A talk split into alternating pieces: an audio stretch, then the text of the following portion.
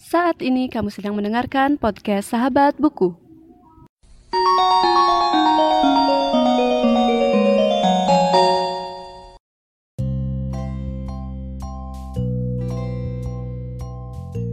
Sebelum dengerin episode kali ini, jangan lupa untuk follow podcast Sahabat Buku di Instagram at podcast Sahabat Buku dan di Twitter at Sahabat underscore.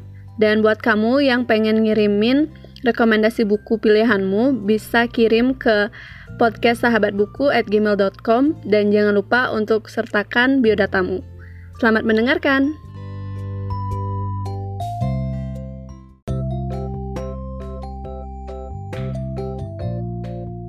Halo semuanya dan selamat datang kembali di podcast Sahabat Buku. Dan di episode kali ini aku akan menceritakan satu kumpulan cerpen dari Dilestari dengan judul Filosofi Kopi. Nah, buat teman-teman yang mungkin udah pernah denger atau nonton film Filosofi Kopi, pasti udah nggak asing banget sama yang satu ini. Ya walaupun setelah uh, aku nonton filmnya dan juga baca kumpulan cerpennya, ternyata emang ada sedikit perbedaan tapi itu wajar banget kan buat satu karya sastra yang diadaptasi ke bentuk film ataupun ke bentuk lainnya. Nah, sekarang aku mau cerita sedikit waktu aku membaca filosofi kopi. Sebelumnya, aku itu sebenarnya udah ngerencanain buat menceritakan buku ini, tapi kayaknya rada kelupaan, jadinya baru sekarang aku nyeritain ke teman-teman. Oke, jadi waktu itu aku sempet kayak kehabisan materi buat podcast gitu kan. Akhirnya aku coba mengulik-ngulik buku-buku yang sekiranya aku belum sempat ceritain.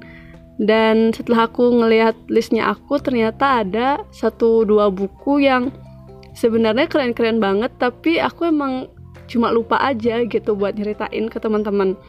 Dan salah satunya ya filosofi kopi ini For your information juga, aku udah baca beberapa bukunya di Lestari yang lain dan aku suka semuanya karena gimana ya kayak menurut aku di Lestari itu punya satu ciri khas yang kalau kamu baca karyanya itu kayak ngena banget deh dan juga kayak punya cara pembawaan tersendiri gitu. Menurutku mungkin ada banyak penulis yang udah punya ciri khas tersendiri dan salah satunya di Lestari. Nah, buku pertamanya itu yang aku baca sebenarnya adalah Perahu Kertas. Kalau kalian sadar, episode Perahu Kertas tuh udah di awal-awal uh, pembuatan podcast ini. Jadi, emang waktu itu aku langsung habis baca langsung review gitu. Dan selanjutnya aku sempat baca Madre dan Filosofi Kopi setelah itu baru aku lanjut ke aroma karsa. Tapi entah kenapa ya mungkin karena lupa aja. Baru sekarang deh aku nyeritain tentang filosofi kopi. Menurut aku kumpulan cerpen filosofi kopi itu menarik banget karena ada cerpen-cerpen yang menurut aku alurnya agak panjang tapi nggak ngebosenin dan juga kayak klimaks atau konflik dari cerpennya sendiri tuh ngebuat pembaca seakan gimana ya larut dalam ceritanya.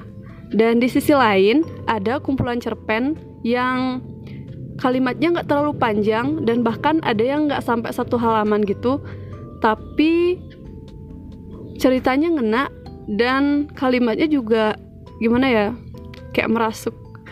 Gimana ya kayak uh, ngerasa banget deh waktu baca. Dan beberapa cerpen nggak hanya bisa dinikmati karena istilahnya sebagai bacaan santai, tapi juga mengandung pesan-pesan yang menurut aku bisa relate gitu sama kehidupan kita.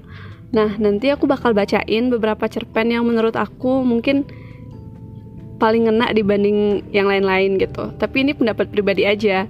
Oke, jadi kali ini aku bakal bacain satu cerpen dengan judul Spasi spasi 1998. Seindah apa pun huruf terukir, dapatkah ia bermakna apabila tak ada jeda? Dapatkah ia dimengerti jika tak ada spasi? Bukankah kita baru bisa bergerak jika ada jarak? Dan saling menyayang bila ada ruang? Kasih sayang akan membawa dua orang semakin berdekatan, tapi ia tak ingin mencekik. jadi ulurlah tali itu. Nafas akan melega dengan sepasang paru-paru yang tak dibagi. Darah mengalir deras dengan jantung yang tak dipakai dua kali. Jiwa tidaklah dibelah, tapi bersuai dengan jiwa lain yang searah. Jadi, jangan lumpuhkan aku dengan mengatasnamakan kasih sayang. Mari berkelana dengan rapat tapi tak dibebat. Janganlah saling membendung apabila tak ingin tersandung. Pegang tanganku, tapi jangan terlalu erat karena aku ingin seiring, bukan digiring. Menurut persepsiku pribadi, cerpen ini ngebahas tentang dua orang yang saling mencintai, tapi yang namanya kita mencintai seseorang tuh nggak boleh terlalu mengekang gitu istilahnya ya. Jadi kita tuh berjalan seiringan, bukan ada yang di depan, ada yang di belakang gitu. Tapi gimana ya ceritanya kayak um, kita tuh anggapannya kayak saling mengerti aja maunya kita berdua tuh seperti apa gitu sih mungkin dan kita lanjut ke cerpen selanjutnya oke okay, cerpen selanjutnya yang akan aku bacakan berjudul kuda liar tanyakanlah arti kebebasan pada kawanan kuda liar Otot mereka kokoh akibat kecintaan mereka pada berlari, bukan karena mengantar seseorang ke sana kemari. Kandang mereka adalah alam, bukan papan yang dipasangkan. Di punggungnya terdapat cinta, bukan pelana yang disandangkan dengan paksa. Hidup mereka indah dalam keinginan bebas. Hari ini ke Padang, esok lusa ke gunung.